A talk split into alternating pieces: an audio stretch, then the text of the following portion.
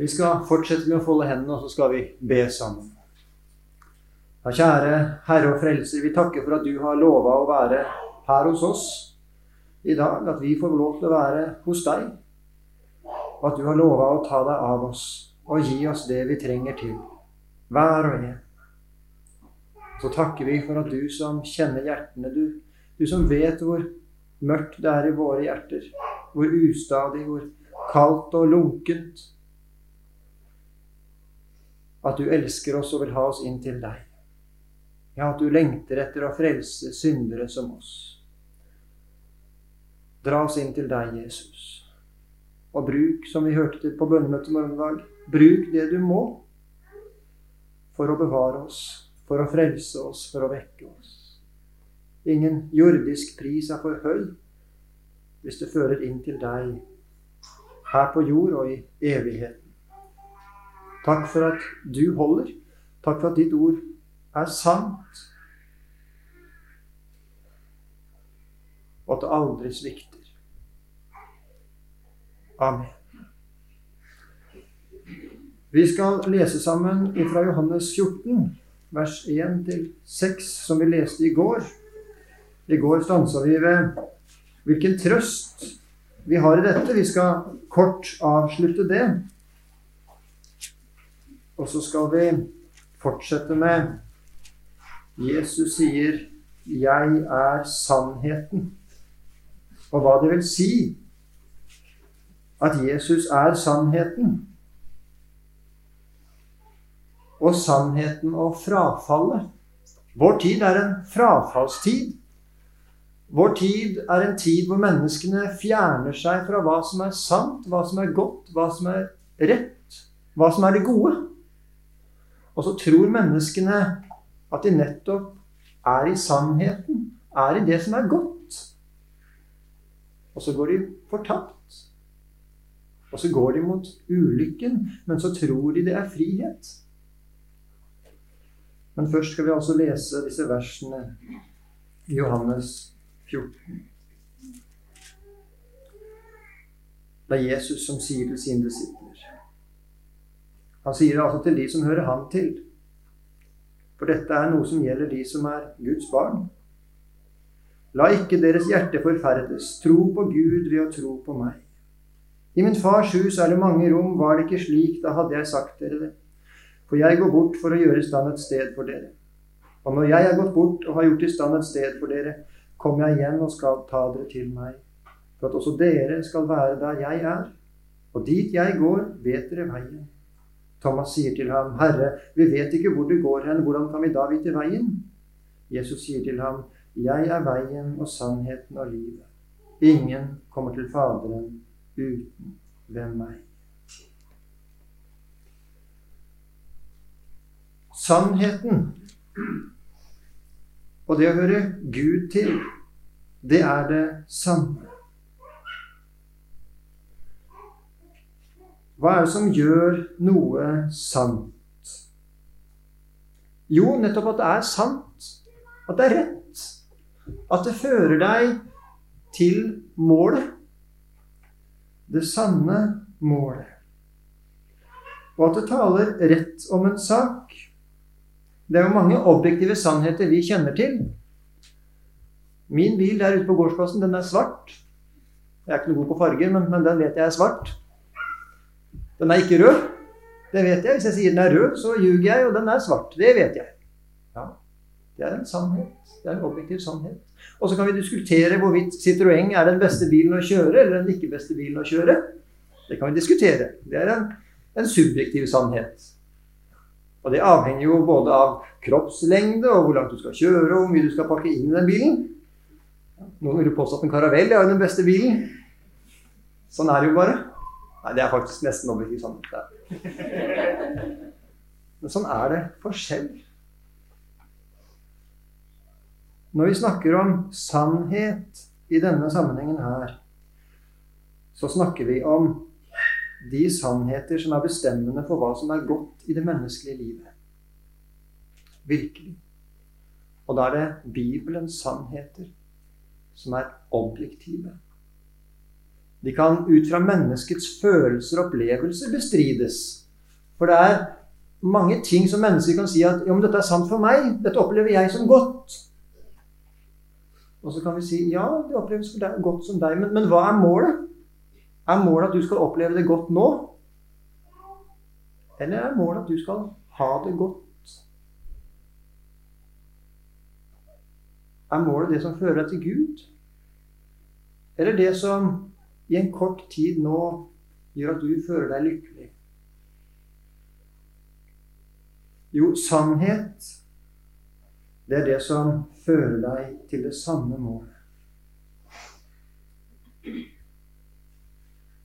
Grunnlaget er Gud og Guds sannhet. For det er bare det som kan føre et menneske til den sanne hvile, den sanne fred, som kan føre et menneske til himmelen. Grunnlaget er ikke mennesket. Men tidsånden sier det er ingen Gud. Det er ingenting etter at du er død. Og målet med ditt liv er at du skal få mest mulig ut av livet her og nå. Og ser du da at disse to sannheter de går jo ikke overens. Det er ikke rart at de er uenige. Det er ikke rart at de er fiender. For de går mot hvert sitt mål. Det ene har menneskets lykke og tilfredshet på kort sikt i denne verden ut ifra menneskets hjerte. Og det andre har hva Gud sier er godt og sant og rett, også på kort sikt. Det å leve selvlivet det er ikke godt for et menneske på kort sikt heller. Det er til ulykke. Det å leve, leve egoistisk det er til ulykke for menneskene også på kort sikt. Og vi ser i vårt samfunn i dag hvordan egoismen ødelegger relasjoner mellom mennesker. Også her på jord. Altså på kort sikt. Det er til ulykke. Å være en kristen, det er å være trygg. Så trygg at ingen makt kan ta fra deg det du eier. Fordi det du eier, det eier du i Jesus. Der eier du fred med Gud og fred fra Gud. Sjøl om, som vi hørte i forrige time, du ikke skulle føle det et øyeblikk. For denne freden handler ikke om dine følelser. Den handler om ditt forhold til Gud. Og det handler om hva det er som bærer i livet. Følelser, de bærer ikke livet. Det gjør de ikke. Det er de ikke i stand til. Vi tenker så fort feil om dette med mål og retning. At det er vi som bestemmer vårt mål og vår mening, f.eks. Men det er motsatt. Det er vår Herre. Og vi som er kristne, vi vet at alle mennesker har en herre. Og det er to herrer i historien. Det er to herrer i menneskeheten. Og det har vært bare to herrer. Enten så tjener du Gud og lever for Gud, eller så tjener du Satan og lever for Satan. Lever du selvlivet, så lever du for Satan. Nei, sier du. Jeg lever for meg. Jeg gjør det som jeg vil. Jeg går mine veier. Ja, hvor går dine veier, da? Jo, ditt, ditt hjerte vil. Og hvor vil ditt hjerte, ditt gamle menneske? Jo, det vil ha denne verden. Og hvem er denne verdens fyrste? Jo, det er Satan. For da har han lurt deg bort ifra Jesus og fra det som fører til himmelen. Da er du verslig. Da kommer du ikke lenger enn til fortapelsen. Det er to herrer, og disse to herrene er bestemmende for hva du har din glede i, hva du har din trygghet i, hva du har din fred i.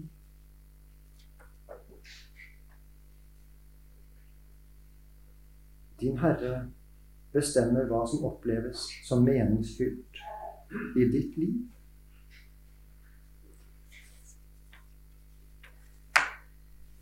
Menneskets egen vei fører til ulykke. Det river løs ifra Gud og fører oss til denne verden. Når han er denne verdens fyrste, så innebærer det at han er ikke dum. Han er verdensvis. Han er verdensklok. Og han vet hva ditt gamle menneske, hva ditt kjød vil ha. Hva som er til glede for ditt kjød. Hadde han vært dum, så hadde jo ingen latt seg lure. Men du, det er ditt gamle menneske, lar deg stadig vekk lure av Satan. Enda du har, har jo møtt Jesus. Og så ser du verdensmennesker. De lever for denne verden. Hans visdom, den fører mye godt med seg. Ellers hadde jo ingen fulgt ham. Han er i stand til å gjøre deg lykkelig. Han er i stand til å gjøre deg vellykka. Han er i stand til å gjøre deg populær. Han er i stand til å gjøre deg anerkjent. Og han er i stand til å gjøre deg rik. Ellers så var han ikke denne verdens fyrste. Og Hvis du leser Salme 73, så ser du nettopp dette. Det er ikke der han er bedragerisk. Bedraget består i at han forklarer det som meningen med livet. Hvis du får dette, så er meningen med ditt mål, ditt liv, oppnådd. Hvis de andre menneskene ser opp til deg, så er meningen med ditt liv oppnådd.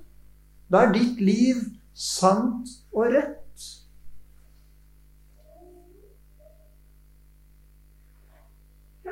Kristendom er noe ganske annet.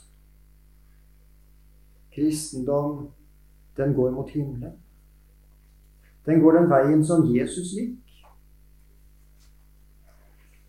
Jesus, han var i denne verden en taper.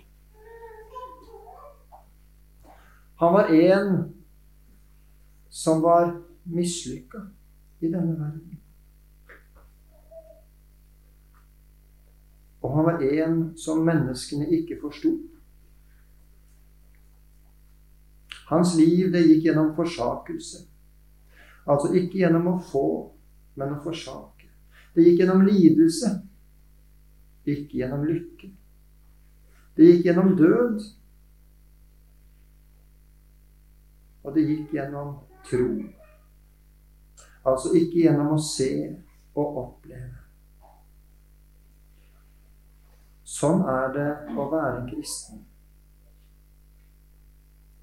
Og når vi leser trosbekjennelsen, så er det nettopp det vi leser. Hva det er vi tror. Og vi har det i troen. Ofte ikke gjennom å se, ofte ikke gjennom å oppleve, ofte ikke gjennom å føle. For Guds rike, det er et usynlig rike. Her er vi inne på noe som er dypt og helt fremmed for det naturlige mennesket. Men her er det også en hvile. Fordi dette gjør at ditt og mitt hjerte blir hengende fast i Jesus og det vi får i Jesus. Han blir ditt og mitt mål. Han blir ditt og mitt, din og min redning. I ditt forhold til Gud så er det nåden og Jesus som teller. Vi hørte om det i forrige time så fint. Vi skal slippe å stole på våre følelser. Slippe å stole på våre opplevelser. Hvordan jeg opplever det nå, ikke opplever det nå. Ja, det har ikke noe med saken å gjøre. Det som har noe med saken å gjøre, er Hører jeg Jesus til? Og hører jeg Jesus til, så er det rett med min sak hva enn jeg skulle føle og oppleve. Mange har dårlig samvittighet sitter sikkert her i salen, du også, som har dårlig samvittighet i ditt møte med Gud.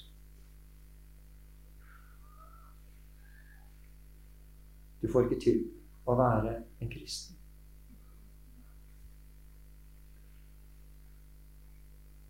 Du mislykkes med din lesning. Du mislykkes med hvordan du ber, med din omvendelse, med din tro.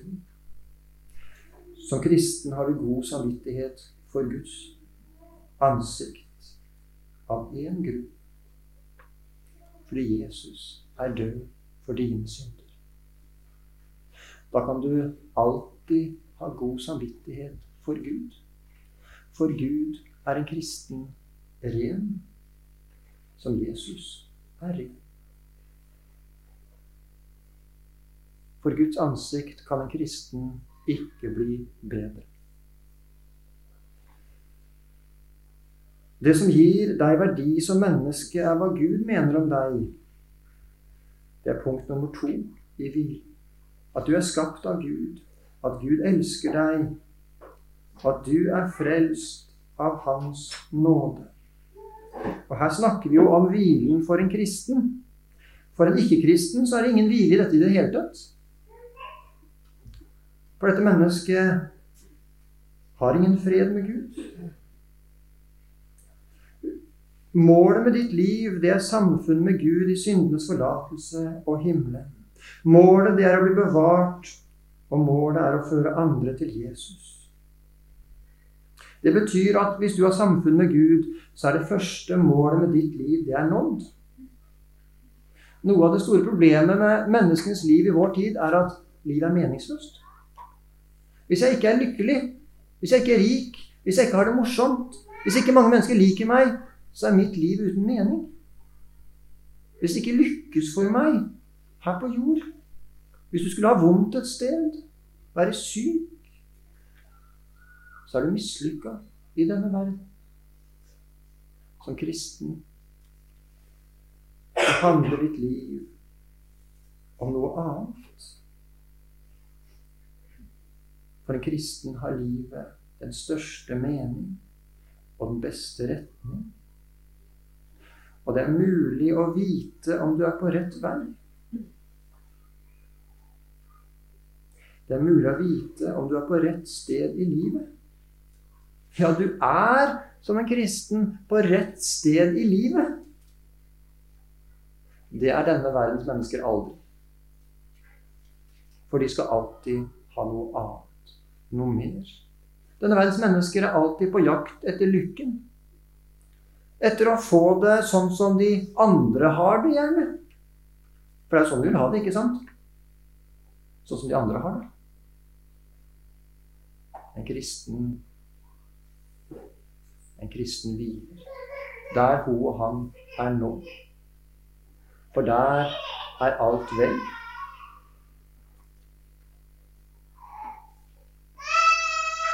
Så kommer vi til denne timens tema sannhet, sannheten og frafallet. Det ser jo ut som at vi som er kristne, eller helst Bibelen, da, at Bibelen taper. At Bibelen ikke når sitt mål. At, at det er denne verden som lykkes. Og at Bibelen har tapt. At den er motbevist. At den ikke har noen gyldig sannhet i vår tid. Og igjen, altså Det er ikke rart at det er sånn det sies og oppleves. For de som sier det, de tror ikke på Gud. De tror ikke på Bibelen. De bøyer seg ikke for Gud, og selvfølgelig vil de jo da ikke tro på dem. De tror på en annen sannhet, som ikke er sannhet, men noe som kommer ifra menneskenes hjerter. Vår tid er, som jeg sa i går, en hedensk tid. Da er det en veldig hvile i det å kunne si det samme som det Gud sier. Hvis et menneske ikke sier det samme som Gud sier, da sier jeg det samme som Satan sier. Hvis jeg sier noe annet enn det Gud sier om objektive sannheter, så sier jeg det samme som Satan sier. Det er sannheten. For hvis jeg sier det motsatte av Gud, eller sier imot Gud, da er jeg i opprør mot Gud. Og det er én som er i opprør mot Gud, og det er Satan. Og han har en forbundsfelle i ditt og mitt hjerte. Det er kjød. Og da må du være klar over at kjødet har Satan som sin herre. Har Satan som sin lyst. Satan som sin retning. Satan som sin vei.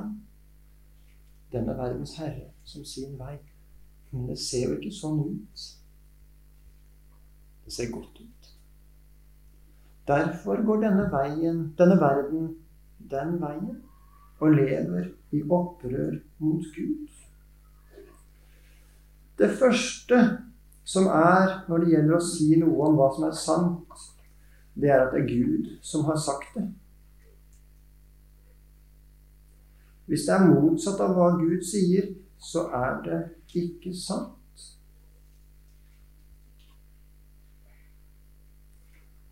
Jeg fikk en bok til jul det er så fint når noen spør hva ønsker jeg til jul, pappa. Og så ønsker jeg meg den. Og så fikk jeg den. Den boka vil jeg anbefale deg å lese. 'Det kristne verdensbildet'. Kjell Tveter og Kjell Skartveit. Det betyr jo ikke at jeg er enig med disse i alle ting, men det er en veldig god bok. For den beskriver mye av hva som er det kristne verdensbildet. Men kanskje særlig av hva som er tidsåndens verdensbilde. Og det skal vi stanse litt kort ved. Hva som er tidsåndens verdensbilde. Det er noen verdensbilder som er, kommer fra menneskenes hjerter. Postmodernismen, kulturmarxismen og humanisme. Vi skulle gjerne gått dypt ned i det å si noe om disse. Alle sammen. Det er utrolig viktig å kjenne til disse.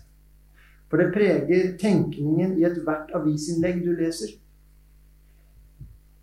I en nesten hver sosial medieoppdatering du leser. Og de sier livet handler om å være lykkelig. Livet handler om å være populær. Livet handler om deg. Livet handler om denne verden. Det er ikke så mye du ser som handler om at du er et menneske som er en evighetsvandrer. Og du står ansvarlig for Gud med ditt liv. Og hvert øyeblikk står du foran evigheten. Det er to ting som er det eneste som er sikkert. Det er øyeblikket og evigheten. Det er nuet og evigheten. Noe annet er ikke sikkert. Og så lever de fleste mennesker som dette ikke stemmer.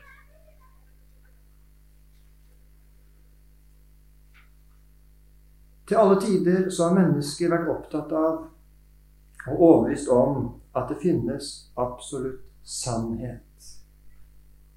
Det tror mennesket ikke lenger selv. Nå. Nå tror mennesker at menneskene selv bestemmer hva som er sant i en gitt situasjon. Sant, det er det som gjør et menneske lykkelig. Det som er tjenlig, det menneskene ser på som rett, og det som føles godt, det er sant. Det som er noe av alvoret i vår tid, i postmodernismen og kulturmarxismen, er at vi bevisst går inn for å forandre betydningen av ord. Da det gikk opp for meg da jeg leste det, så tenkte jeg ja, det er akkurat sånn det er. Så sannhet det går fra å være en objektiv sannhet som Gud har sagt, eller som vi kan måle, til å bli noe som jeg opplever som godt nå. Og da kan jo du og jeg være veldig uenige om hva som er godt nå. For du har din glede i én ting, og jeg har min glede i noe annet. Og når det gjelder middagsmat, så er jo det helt greit. Eller farge på, ikke farge på biler, men hva slags biltype vi liker. Da kan det være helt greit. ikke sånn? Men når det gjelder hva som er sant som menneske i objektive sannheter, så blir det en som sier det samme, hvis den sier det samme som Bibelen sier, og den andre sier det som er usant. Toleranse. Før var jo toleranse at to mennesker kunne være uenige. Og man kunne likevel være uenige. Nå betyr toleranse omtrent som omsorg for den som er undertrykt. Og, og, og, hvem skal da være tolerant? Jo, den som er sterk. Og hvem skal da ha toleransen, altså sympatien, på sin side? Jo, den som er svak. Dette er nå definisjonen på toleranse. Og enda mer Det er nå endra definisjonen av hva som er historie. Hva som er beskrivelsen av virkeligheten. For historie eller beskrivelse av virkeligheten, det er beskrivelsen om undertrykkelsen av de svake. Og i det så er også hvem som er svake, beskrevet. Definert. Og hvem er svak? Jo, det er de som undertrykkes. Og det er lettere å skrive hvem som er undertrykkere. For det er hvite, heterofile menn som gjennom de ti bud undertrykker alle de andre. Så da er kvinner undertrykt. Da er alle andre religioner undertrykt. Ser vi det i vår kultur i dag? Ja, det ser vi. Og derfor er f.eks. abort en frihet. Fordi det frigjør kvinner fra manns maktovergrep. Per definisjon. Og så holder postmodernismen, som sier at det er ingenting som er sannhet, dette fram som sannheter. Dette er vår tid, og vi står midt oppe i det nå. Hvis vi ikke vet dette, hvis vi ikke forstår dette, så forstår vi f.eks. For ikke konflikten mellom palestinaraberne og Israel. For Israel er jo den sterke, ikke sant? Er en overgriper. For det er definert som en overgriper. Og da er den andre parten alltid den undertrykte. Og da må vi alltid støtte den som er undertrykt. Samme hva den gjør. For sant og rett og godt har ingen sammenheng her. Den undertrykte skal frigjøres fra overgreperens bann. Kjærlighet det er omdefinert ifra Bibelens beskrivelse av kjærligheten. Den kjærligheten som setter seg selv til side. Den kjærligheten som har omsorg, og som gir seg selv. Den som er tålmodig. Den vi ser beskrevet i 1. Korinterbrev 13. Ja, nå er kjærlighet noe annet. Nå er kjærlighet ved samliv etter menneskets lyst der og da. Og omsorg, som jo egentlig bør bety det å føre et menneske til en sanne og rette hvile. Det er nå å sette de svake fri fra undertrykkerne. Ser du hvordan hele verden er vrang? Ser du nå hvordan hele verden går mot et kaos og en ufrihet? Ser du hvordan hele verden går mot en undergang, en bevisst undergang. Fordi menneskene forlater Gud.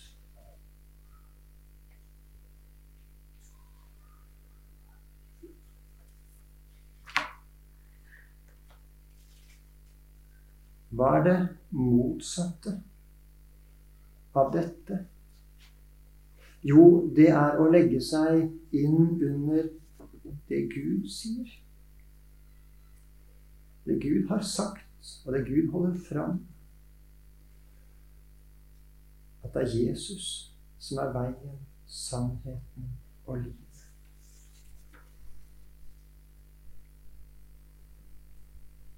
Når disse to står mot hverandre, så er det sånn at enten så bøyer jeg meg for det Bibelen sier, eller så bøyer jeg meg for det mennesket tenker av seg selv. Grunnlaget for vår tids tenkning er altså ikke å søke sannheten hva som er objektivt sant, hva som er objektivt godt, hva som er rett. Men hva mennesket i sitt eget hjerte opplever at tjener lysten og fornuften her og nå.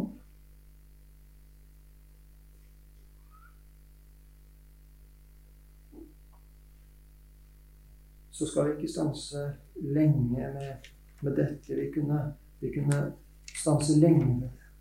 Det skal vi ikke gjøre.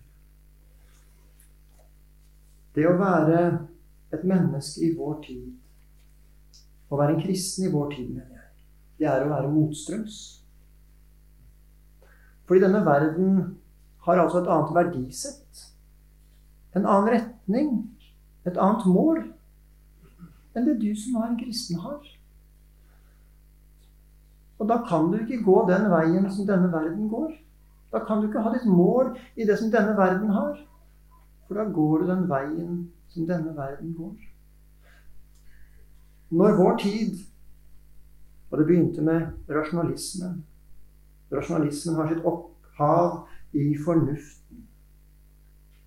Og det kom ja, Ikke bare kom, men, men det har i hvert fall sammenheng med at menneskene opplevde jo det at Bibelen stemte ikke med fornuften. Man, man forsto naturen sånn at, at skapelsen At naturen ikke kunne stemme overens. Fordi darwinismen, evolusjonen, hadde kommet inn som en tankebygning som de regnet for sannhet.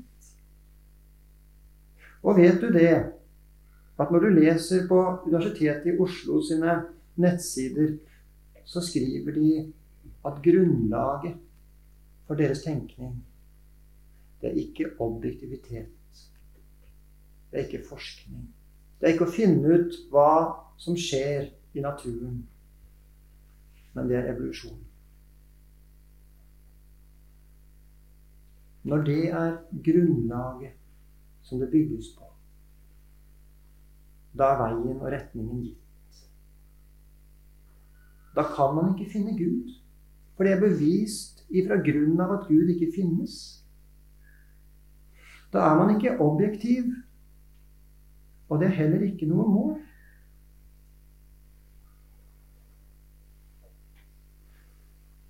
Det er ingen hvile i denne veien bort ifra Gud.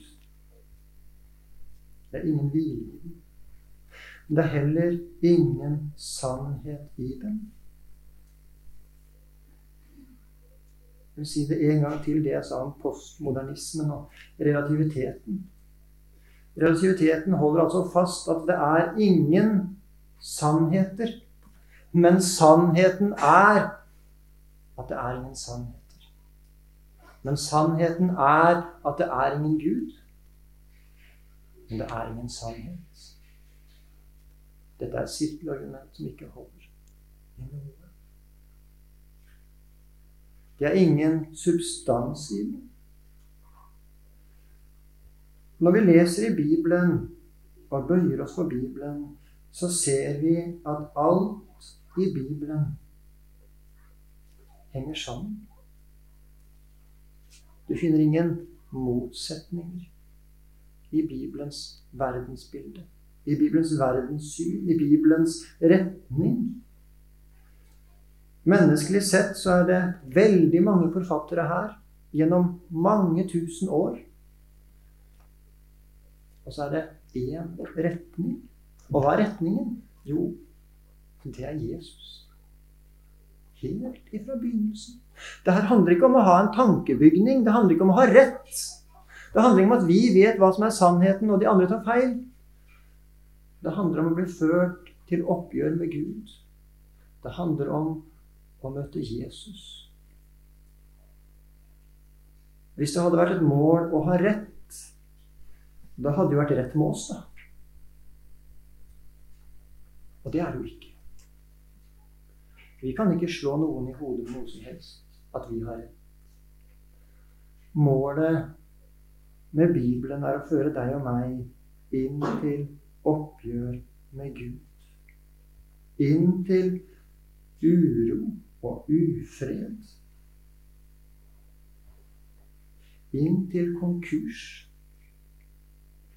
Inn til ulykke. Hvorfor er det sånn? Jo, for ditt og mitt hjerte henger fast ved denne verden. Og hvis du og jeg skal frelses, så må vi løses ifra denne verden.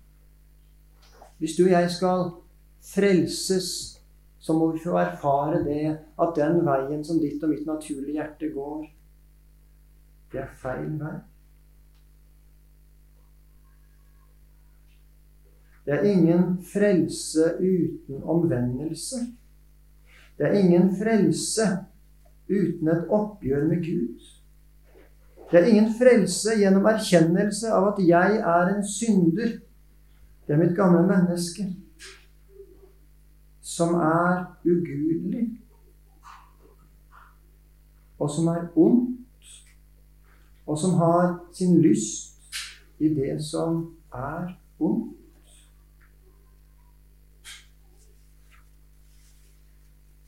Og som følger en vei som går mot fortapelsen. Og selv når jeg får vite det, så er jeg ikke i stand til å velge den rette vei. Mitt gamle menneske er bundet til synden. Fanget i syndens bedrag. Og mitt gamle menneske, om jeg har levd som, som kristen jeg håper i hele mitt liv, så lures jeg fortsatt daglig av synden. Sånn er mitt kjønn. Sånn er det naturlige menneskets vesen. Den erkjennelsen den vitner om å føre meg inn i den forståelsen ved meg elendige menneske. Jeg er fortapt. Jeg er fortapt. Men det er ett sted det er redning og berging. Verdens tankegang er jo å bygge opp det naturlige mennesket. Så at når menneskene får det sånn som de vil ha det, så blir menneskets liv godt. Og Bibelens retning er at mennesket skal se sannheten om seg selv, at jeg er ikke god. Men når jeg hører Jesus til, så er jeg i syndenes forlatelse. Og da er jeg hos Han som tar seg av syndere. Å være en kristen er ikke å ha det rett. Sånn kan det jo noen ganger høres ut når jeg taler sånn som i dag. ikke sant? De andre tar feil, og vi har jo rett. Men det er ikke det det er snakk om. Det er snakk om at hvis vi følger verdens tankegang, så går vi mot fortapelsen. Og hvis vi har med Jesus å gjøre, så føres vi inn i Guds tanker, Guds vei med våre liv, som fører til oppgjør. Som fører til synserkjennelse. Som fører til at jeg og du må forlate den veien vi går på.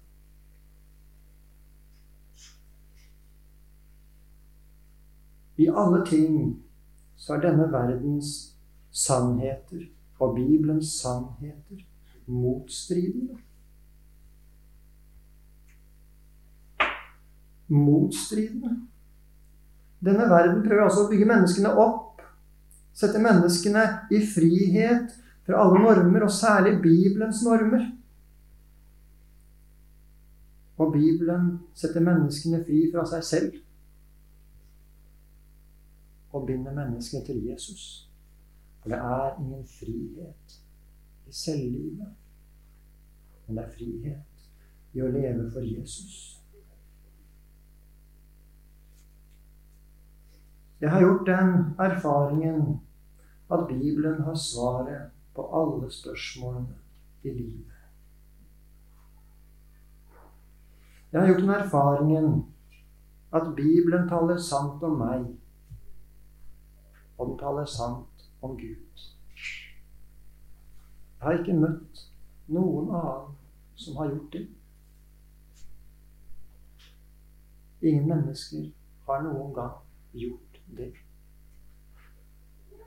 Jeg har gjort den erfaringen at Bibelens Gud er sannferdig.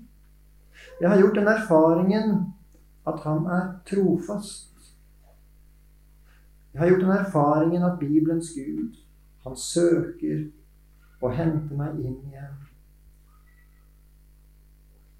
fra syndens vei.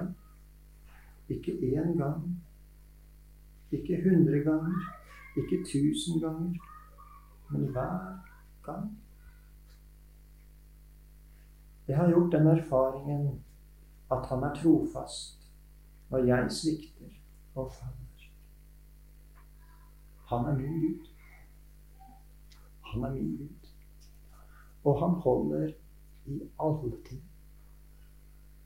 Den erfaringen har jeg gjort. Det er den største rikdom av alle rikdommer. Jeg vil snu det. Det er den eneste rikdom av alle rikdommer. All annen rikdom i denne verden, om det er anerkjennelse, om det er makt, om det er eh, utdanning og karriere, hva enn det skulle være, så er det satt på spissen. Det er fattigdom i forhold til den rikdom. Å leve i sannheten med Gud.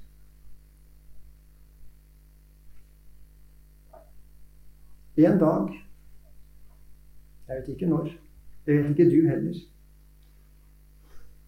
så møter vi evigheten. Så kommer vi til evigheten. Skal bruke det bildet. Vi klarer ikke å beskrive engang hvordan evigheten er i forhold til tiden, fordi at vi er så små. Men det er noe som er evighet, og nå lever vi i tiden. Så kommer vi til evigheten. Og da skal du og jeg få erfare den store sak å være nær Gud. Og se Ham sånn som han er. Da skal vi bli fri alle ting. Det skal vi stanse ved i morgen. Jesus er livet. Kjære Herre Jesus. Vi takker for at du er livet. Så ber vi Jesus om at du må dra oss inn til deg. Åpenbar deg for oss, Jesus, og gjør oss fri fra våre tanker og våre ideer og våre meninger. Og sett oss inn i dine tanker og meninger. La oss få se Jesus sånn som du ser. La oss få regne sånn som du regner. Så ber vi Jesus, hold oss fast i ditt ord. Der hvor den eneste sannheten er. Så vet du langt bedre enn oss, Jesus, hvor prega vi er av denne verden. Og denne verdens tenkning.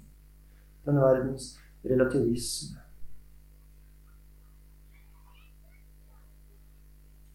Stans oss opp, Jesus, og før oss inn til deg. Amen.